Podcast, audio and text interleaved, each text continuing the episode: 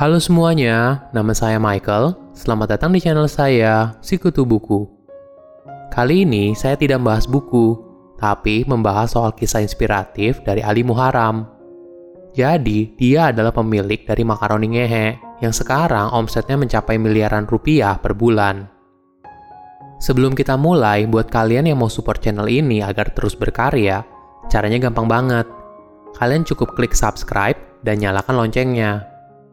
Dukungan kalian membantu banget supaya kita bisa rutin posting dan bersama-sama belajar di channel ini. Ali Muharam berasal dari Tasikmalaya. Dari kecil, Ali sering diajak ke tempat penampungan barang bekas karena orang tuanya berbisnis barang rongsokan. Beda dengan anak kecil pada umumnya, Ali menikmati waktunya saat ada di sana, melihat transaksi jual beli, dan mengamati proses bisnis barang rongsokan. Itulah awal kecintaan Ali pada dunia wirausaha. Dari kecil, dia sudah kepikiran soal uang, karena pada dasarnya Ali suka jajan. Jadi, walaupun suka jajan, dia nggak bisa minta uang ke ibunya, karena kondisi ekonominya yang kurang baik sejak ayahnya meninggal saat dia di sekolah dasar. Tapi Ali tidak kehabisan akal. Dia mulai coba berjualan kantong kresek agar bisa terus jajan, tapi tidak minta uang ke orang tuanya. Setiap mendekati hari raya lebaran, Ali mencoba untuk berjualan kantong kresek ke pasar-pasar. Hasil dari jualan kantong kresek cukup lumayan, bahkan Ali bisa beli baju dan celana baru, semua dari uangnya sendiri. Kemudian, ketika lulus SMA, Ali memutuskan untuk merantau ke Jakarta dan bertekad untuk membiayai kuliahnya sendiri. Kondisi keluarganya saat itu tidak memungkinkan dirinya untuk kuliah, karena ibunya seorang diri dan membiayai lima anaknya. Ketika memutuskan untuk merantau, Ali tidak langsung berangkat dari Tasikmalaya ke Jakarta. Ali sempat pindah ke beberapa kota dulu untuk bekerja sebelum akhirnya sampai ke Jakarta. Awalnya Ali pergi ke Kebumen. Di sana, dia membantu saudaranya untuk berjualan sandal imitasi dan berusaha menawarkannya ke toko-toko. Namun sayangnya tidak laku Beberapa minggu kemudian, Ali diajak oleh bos saudaranya untuk ke Yogyakarta. Di sana, Ali bekerja sebagai penjaga rumah dan membersihkan rumah tersebut. Di sana, Ali tidak tinggal lama karena dia masih bertekad untuk pergi ke Jakarta. Beberapa minggu kemudian, Ali diundang saudaranya ke Bogor karena di sana saudaranya sudah bekerja menjadi office boy. Kemudian dari Bogor, barulah Ali punya kesempatan untuk ke Jakarta.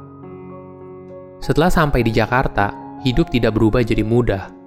Karena merantau, Ali pernah melakukan banyak pekerjaan untuk bertahan hidup. Bahkan, dia pernah bekerja menjadi tukang cuci piring di kantin karyawan Cinere Mall dan digaji 5000 per hari. Semua itu dia lakukan untuk menyambung hidup. Gajinya tergolong kecil untuk bertahan hidup di Jakarta. Jangankan untuk makan, untuk tidur saja, Ali harus menumpang di emperan toko atau masjid di dekat tempatnya bekerja. Hingga akhirnya Ali mendapat pekerjaan yang cukup baik, yaitu menjadi penulis skrip sinetron. Ali menjalani pekerjaannya dari tahun 2008 hingga tahun 2011. Di tahun itu, Ali berada pada titik terendah. Banyak masalah bertubi-tubi muncul di hidupnya, mulai dari rebutan proyek sinetron, ibunya sakit, hingga adiknya yang butuh biaya untuk kuliah. Akhirnya Ali memutuskan untuk pindah jalur karir dari karyawan menjadi pengusaha. Ali sadar kalau dia tidak bisa mengandalkan gaji bulanan dan dia butuh penghasilan yang lebih dari gaji karyawan. Satu-satunya cara yaitu dengan punya usaha sendiri, hingga akhirnya Ali memutuskan untuk berbisnis makaroni. Ada cerita yang cukup personal di balik usaha makaroni yang dijalaninya. Pada tahun 1993-an, ada tradisi yang dilakukan oleh Ali dan keluarganya, yaitu selalu membuat kue kering setiap lebaran. Cuma pada lebaran tahun itu, Ali dan keluarga tidak buat kue kering karena biayanya yang tinggi. Ibunya kemudian menyiasatinya dengan membuat makaroni kering yang diberikan bumbu asin dan pedas. Menariknya, ini merupakan resep asli dari ibunya. Karena enak, ternyata banyak orang yang coba berjualan makaroni. Di Tasikmalaya saat itu, ada toko makaroni yang laris selama bertahun-tahun. Akhirnya, ibunya mengusulkan, kenapa Ali tidak coba berjualan makaroni saja di Jakarta? Untuk membangun bisnis tentu saja tidak mudah dan butuh perjuangan. Awalnya Ali dibantu oleh ibunya untuk mulai berjualan. Mulai dari mencari bahan baku di pasar hingga menentukan harga jual yang cocok. Akhirnya Ali mulai produksi makaroni pedas 100 bungkus per hari. Ternyata laku dan untung 3 juta rupiah. Bermodal keberhasilan itu, Ali kemudian pergi ke Jatinangor, Bekasi dan bertemu dengan penjual tahu pedas. Akhirnya mereka bekerja sama untuk perjualan makaroni. Penjual tahu pedas ini menyiapkan gerobak, sedangkan Ali yang berjualan. Semuanya dia lakukan sendiri, mulai dari goreng makaroni dan jualan pakai gerobak selama dua minggu. Akhirnya, Ali kembali ke Jakarta untuk membuat sampel produk makaroni dan membagikan ke teman-temannya. Ternyata responnya bagus. Saat semangat mau buat usaha di tahun 2012, ibunya masuk rumah sakit dan kemudian meninggal dunia.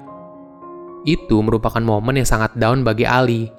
Selama ini, dia ingin jadi pengusaha untuk membahagiakan ibunya, tapi saat itu ibunya sudah tidak ada. Hingga pada suatu titik yang mengubah pemikirannya, Ali bertemu dengan seorang ibu yang merupakan tukang cuci di tempat kos dia tinggal. Saat itu, Ali memberikan sejumlah uang ke ibu tersebut karena sepertinya ibu itu sangat membutuhkan uang. Ketika Ali memberikan uangnya, ibu itu berterima kasih dengan tulus dan kelihatan sangat gembira. Itulah momen yang mengubah hidup Ali.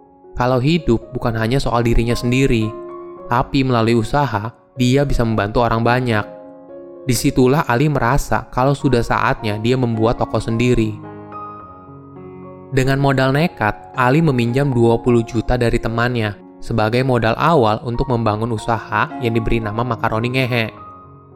Saat itu, dia tidak ada tabungan sama sekali dan tidak tahu bagaimana caranya untuk balikin uang temannya. Tapi dalam hati, Ali bertekad, do or die. Ini adalah momen dia untuk pindah jalur dari karyawan menjadi pengusaha. Bahkan Ali sempat terpikir, apabila usahanya gagal dan dia tidak bisa membayar hutang, Ali rela menjadi pembantu temannya selama dua tahun untuk melunasi hutang tersebut. Kemudian pada tahun 2013, Ali resmi membuka toko makaroni ngehe di dekat tikungan kampus Binus Anggrek. Nama makaroni ngehe yang unik juga punya cerita sendiri. Kok kesannya kasar ya? Nama ngehe sendiri bagi Ali merupakan gambaran dari hidupnya. Dulu dia sempat bekerja di restoran dan dikatain oleh seniornya, ngehe lu, karena kerjaan dia yang kurang bagus pada saat itu. Ngehe sendiri bagi Ali merupakan umpatan soal keadaan yang menjengkelkan dan membuat dia marah banget. Selain itu, kata ngehe sendiri merupakan pengingat bagi dirinya agar tidak kembali ke kehidupan lamanya yang sulit. Saat awal membuka toko makaroni ngehe, produknya tidak langsung laku. Awalnya tidak ada yang beli karena produknya masih baru dan namanya yang aneh bagi kebanyakan orang. Kebanyakan orang hanya lewat di depan tokonya saja dan berfoto di depan tulisan makaroni ngehe karena unik. Rasa makaroni ngehe yang pedas dan asin ternyata cocok dengan selera cemilan masyarakat Indonesia pada umumnya. Bukan cuma soal rasanya, tapi pelayanan pelanggan juga sangat diperhatikan. Ali berusaha melayani pelanggan sepenuh hati dan menanamkan hal tersebut kepada karyawannya. Apalagi ketika ada konsumen yang bilang, pedas banget ya, atau enak nih. Itu membuat Ali sangat senang. Gayanya yang ramah dan supel membuat pelanggan jadi betah untuk datang dan membeli makaroni ngehe. Kemudian, pelan-pelan usahanya tumbuh. Hingga sekarang, makaroni ngehe sudah tersedia di 34 cabang dengan omset miliaran per bulan. Saat ini, produk yang dijual juga bukan cuma makaroni, tapi makaroni ngehe juga menyediakan cemilan lain, seperti otak-otak, bihun garing, dan mie krenyes. Silahkan komen di kolom komentar, pelajaran apa yang kalian dapat dari kisah inspiratif ini. Selain itu, komen juga Mau tahu kisah inspiratif apa lagi yang saya review di video berikutnya? Saya undur diri, jangan lupa subscribe channel YouTube Sikutu Buku. Bye bye.